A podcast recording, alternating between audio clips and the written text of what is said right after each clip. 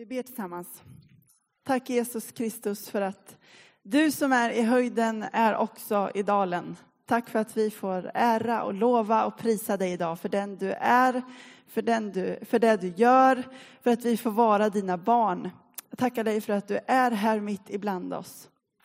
Vi lägger ditt ord i dina händer, Herre. Tack för att du får tala till oss idag.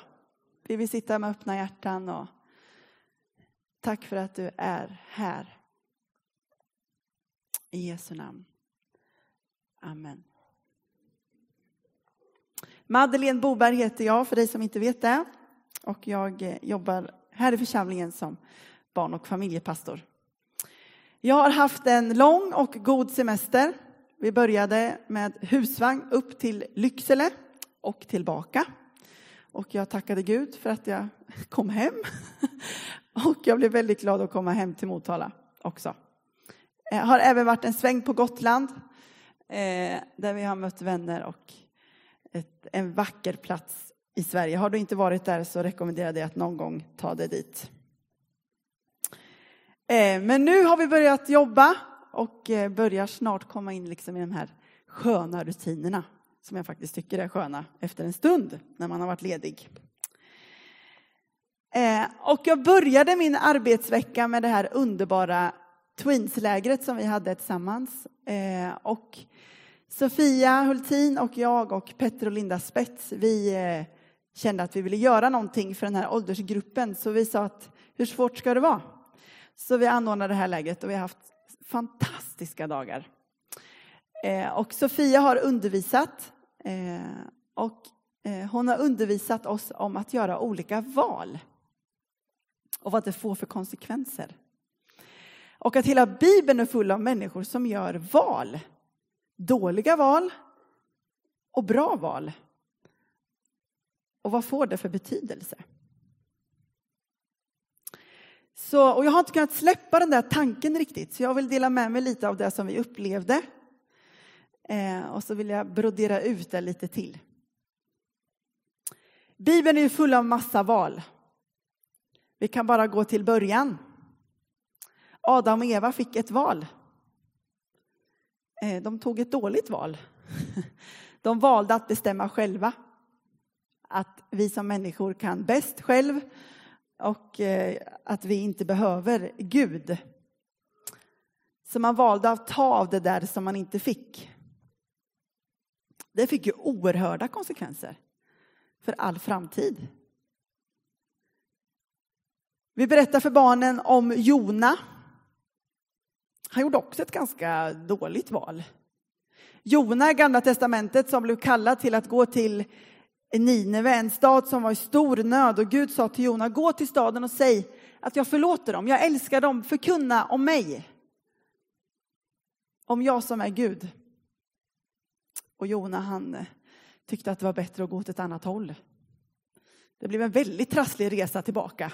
Vi har någon sorts val. ett dåligt val, så hamnade han i en val. Och sedermera fick liksom tänka om och gå dit Gud hade sänt honom ifrån början.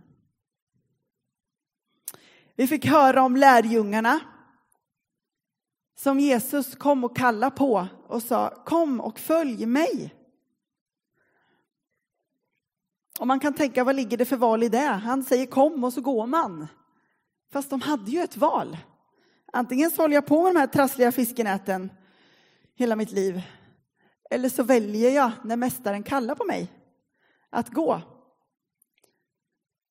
Och lärjungarna, de valde Jesus Kristus.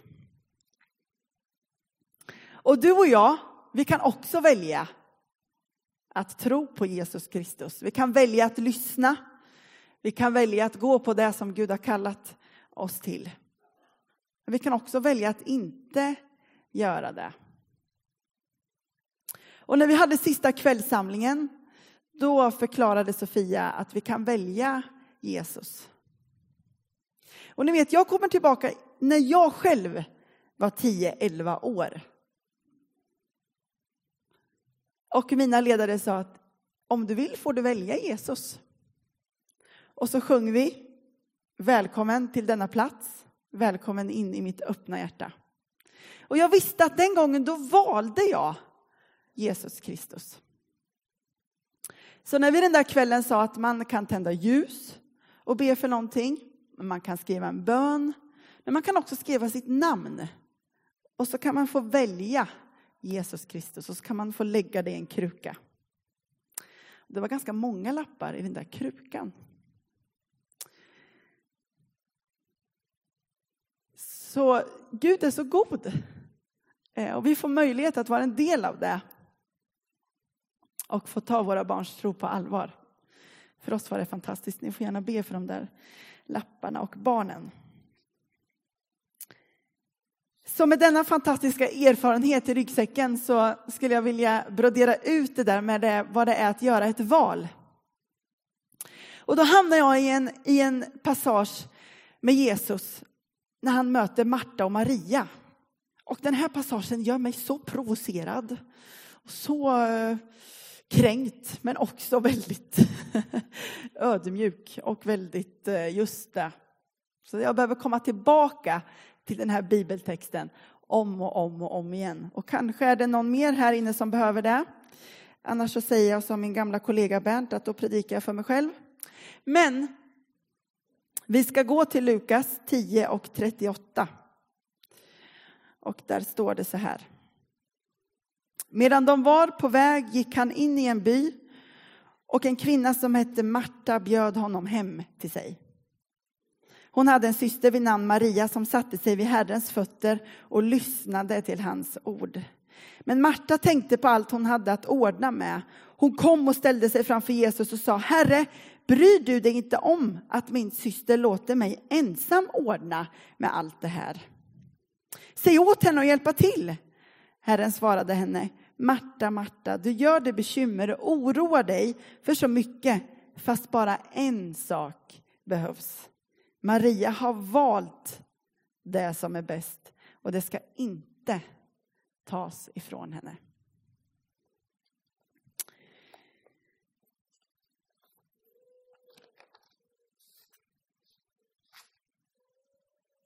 Vi hamnar i en passage där Jesus, liksom, det är som att han kommer hem till vänner för en stund. Han har varit ute, predikat och förkunnat och, och så kommer han hem till sina kompisar. Marta och Maria betyder jättemycket för Jesus. Och i Johannes 11 så får vi läsa att, att Jesus höll Marta och Maria och deras bror Lazarus väldigt nära och väldigt kära. Eh, och när Lazarus är död, då bedrövas Jesus och gråter Jesus, fast han vet att han har makt att göra Lazarus levande igen, vilket sker. Att Gud uppväcker Lazarus från de döda. Men det är som att Jesus, han liksom hänger med sina vänner. Och Marta, hon fixar och hon styr och hon grejar. Jag vet inte hur det är med er, men när jag får hem folk hem till mig. Nu ska jag inte prata för mycket, för om alla ni kommer hem till mig så så är ni hjärtligt välkomna och jag kanske inte agerar så här då. Men jag tror att jag ofta tänker, nu, nu vill jag bjuda på kaffe och nu vill jag fixa med det och så ska jag fuskstäda lite så det ändå ser hyfsat ut så vi ändå har det trevligt här där vi sitter. Så behöver de inte gå in i garderoben eller tvättstugan, men vi kan fuskstäda lite. Jag är expert på att fuskstäda. Och jag vill gärna liksom se vad jag har i frysen, helst någon bulle. Och liksom, jag, vill, jag vill att folk som kommer innanför min dörr ska ha det trevligt. Så jag fixar gärna för det. Så när jag läser om Marta så tänker jag att jag är ju likadan. Och hade Jesus kommit på besök, då hade jag inte bara behövt fuskstäda, för då visste han ju det. Då hade vi fått städa på riktigt. Och jag hade fixat. Och det skön, eller det liksom knasiga i den här berättelsen är att Marta inte går fram till Maria och säger skärp dig, du måste hjälpa mig här nu utan hon skäller ut Jesus. Ser inte du allt slit jag gör? Säg åt henne att komma hit och hjälpa mig. Och så där eh, kan man ju känna. Att man liksom har så mycket att fixa med så att när man väl sitter ner och samtalar och pratar och då är det som att det snurrar. Så här, vad ska vi ha för till efterrätt? Vad har jag i frysen? Ja, lite bär och grädde och någon maräng. Det löser vi. Och sen har jag inte lyssnat eller varit närvarande. Maria däremot, hon har satt sig ner vid Mästarens fötter. Jag bodde ihop ett tag med min eh, bästa vän, Erika heter hon. Hon och jag var från två olika solsystem. När det kom hem folk till oss, då tog hon med sig dem, satte sig i soffan och pratade och samtalade och pratade igen. Och, och de kunde sitta hos oss i timmar. Och så kommer jag hem till lägenheten. Det ser ut som skrot. Jag märker inte att det luktar kaffe. Så jag går in och säger, hur länge har de här varit här? Nej, de har varit här i flera timmar. Och säger, har du bjudit dem på någon mat? Nej, det kanske de skulle ha. Ja, det skulle de ha haft. Men det var få personer som var så närvarande. Erika var närvarande. Och jag fixade. Maria hon valde att sitta vid Mästarens fötter. Jesus säger till, till Marta, du gör dig sådana bekymmer och oroar dig för så mycket, fast bara en sak behövs. Marta har valt det som är bäst och det ska inte tas ifrån henne. Och vad är det då som Maria har valt? Hon har valt att lägga undan alla bestyr, alla måsten, alla fina Instagramfilter. Hon har valt att vara närvarande, att lyssna och ta in. Hon har valt att sätta sig vid Jesu fötter. För nu är det hennes tid att sitta rent fysiskt vid Jesu fötter. Han har kommit hem till dem. Jag har ingen aning om hur länge i tidsrymd han är där. Men det är som att Maria liksom, nu är han här. Och då är det läge för mig att lyssna, se och lära. Tror inte hon satt där för att få framgångsrecept, få de bästa tipsen i eh, framgångsrikt ledarskap.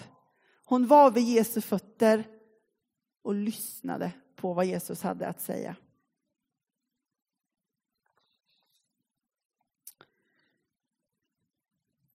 Jag behöver släppa kontrollen och taget för att sitta vid Jesu fötter. Jag ser några huvuden som nickar, så det är skönt att det är några till som tänker som jag. Men ibland behöver vi bara andas och vara närvarande vid Jesu fötter. Jag har väldigt svårt för det. Vardagen rullar på. Man är liksom eh, väldigt aktiv och det ska diskas, tvättas och barnen ska dit och hit. Så ska vi ha det lite trevligt och så är det semester och allt ska vara så lyckligt och så ska vi... Och så blir det till slut bara alldeles för mycket. I sommar så fick jag en sån här eh, paddelboard av min man, en sån här stor, stor surfbräda som man står på så här. Eh, och då kan några tänka, vad ska man ha en sån till? Ja, eh, det är fantastiskt faktiskt. Man får komma ut alldeles tyst. Och så har jag bara seglat fram på en spegelblank Vättern. Ni vet sådär som man ser liksom jättedjupt ner. Och sen är det sådär tyst. Och där har jag kunnat liksom bara få njuta av Guds skapelse. Och så har jag bara fått säga tack för allt detta vackra. Och nu lägger vi den här dagen i dina händer. Ibland behöver vi liksom lite så här verktyg till att när kan jag slå mig ner vid Jesu fötter? Du och jag får göra det precis hur mycket vi vill och när vi vill. När vi är vid Jesu fötter och när vi får komma i Jesu närvaro så händer det ju väldigt mycket saker. Men jag tänker på tre saker som, som gör att saker och ting faller på plats. När du och jag får släppa taget och vara med Jesus, då får du och jag perspektiv. Ibland är det väldigt lätt att snöa in på mitt problem, på min livssituation, på allt det som tynger mig och på allt det lyckliga jag har som jag liksom på något sätt håller fast vid. Men när jag får vara vid Jesus så får jag perspektiv om vad som är viktigt och vad som får saker och ting att falla på plats. Jag har köpt en bok i somras och ni som känner mig väldigt väl vet att jag är ingen bokmal, men den här boken är väldigt trevlig. Eh, den heter Att vakna upp till liv, en andaktsbok för sommartid. Eh, jag rekommenderar den varmt. Jag tänker läsa den in i höstmörkret också. Så nu får ni lyssna på en text.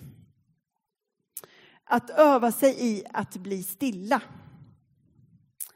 En av mina vänner gav mig för ett tag sedan en liten planta av blomman elefantöra.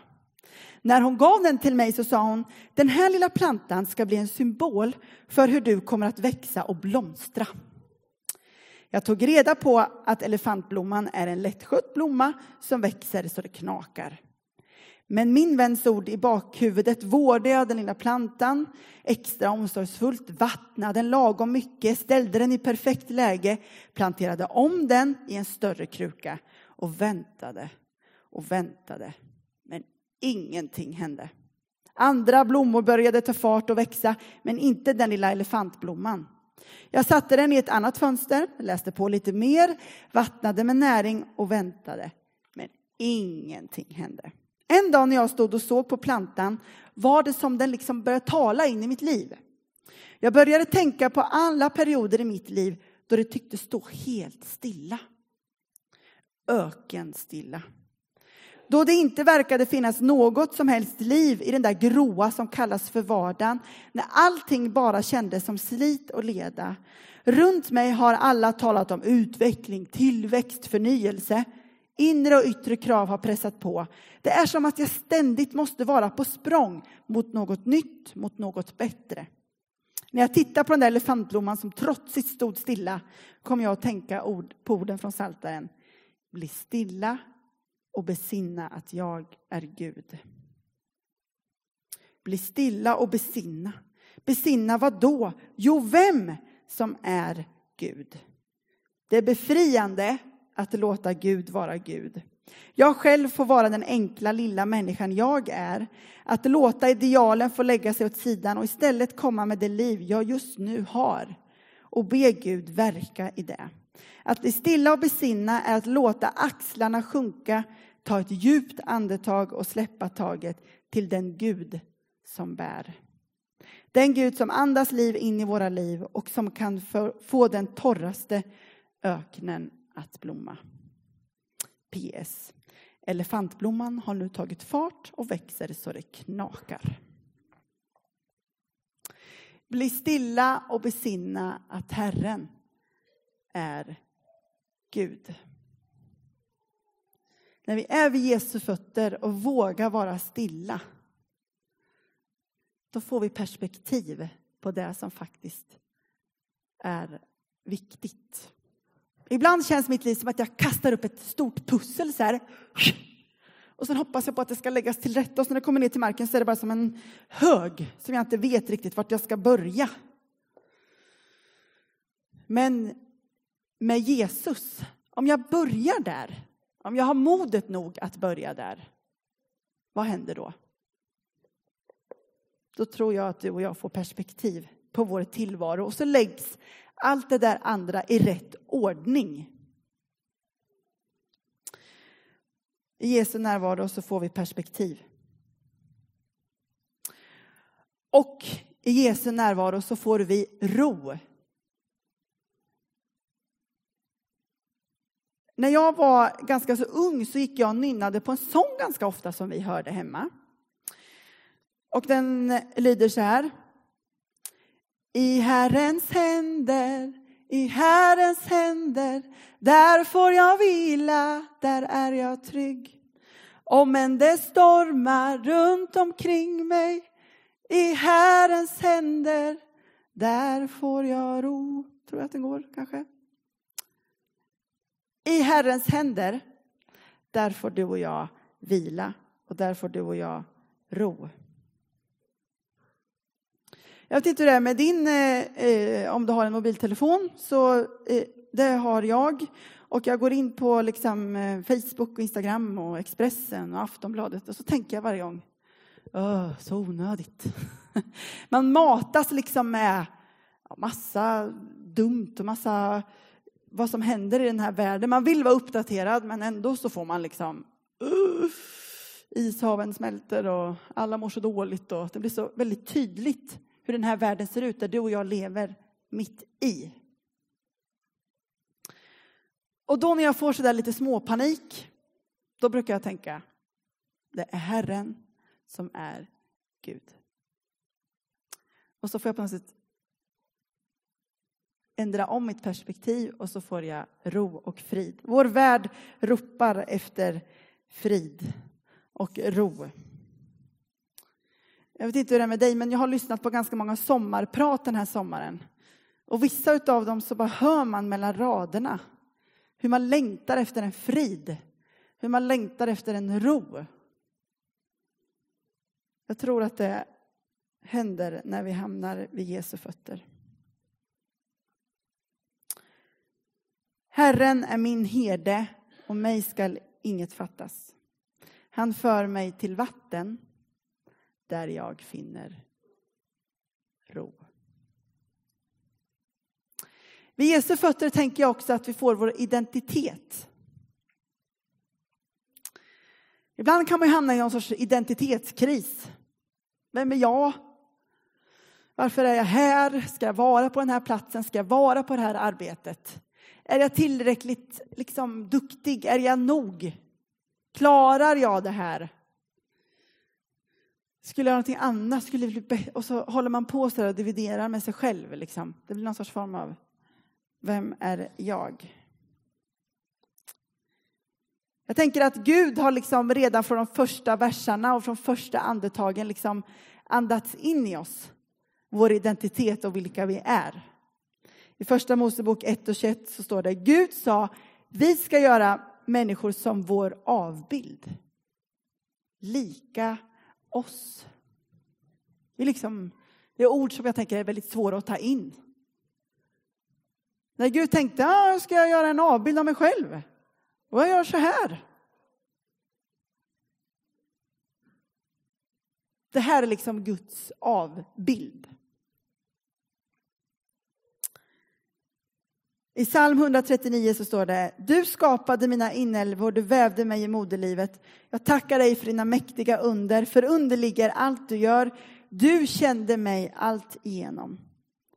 Min kropp var inte förborgad för dig när jag formades i det fördolda, när jag flätades samman i jordens djup. Du såg mig innan jag föddes. I din bok var de skrivna de dagar som hade formats innan någon av dem hade grytt.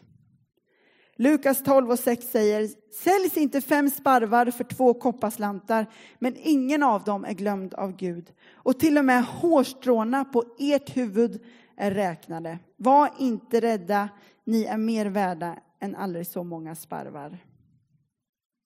Och i Johannes 1 och 12 så står det, men åt dem som tog emot honom gav han rätten att bli Guds barn. Åt alla som tror på hans namn.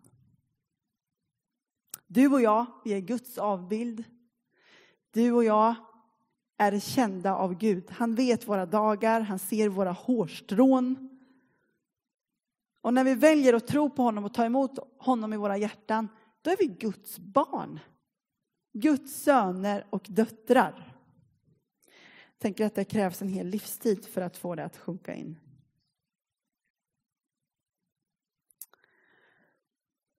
När vi väljer att slå oss ner vid Jesu fötter.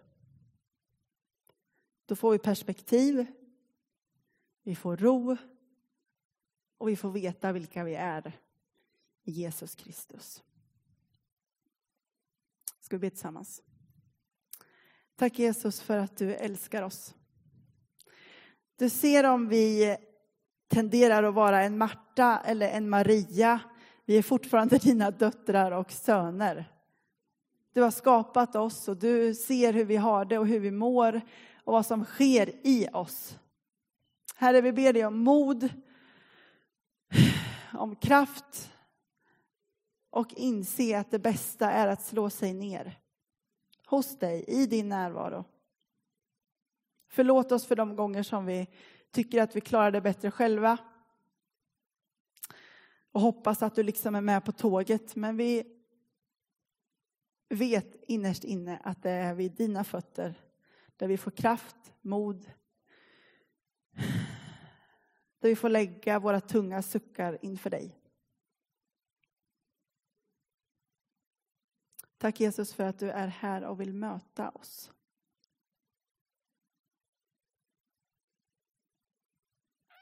Amen.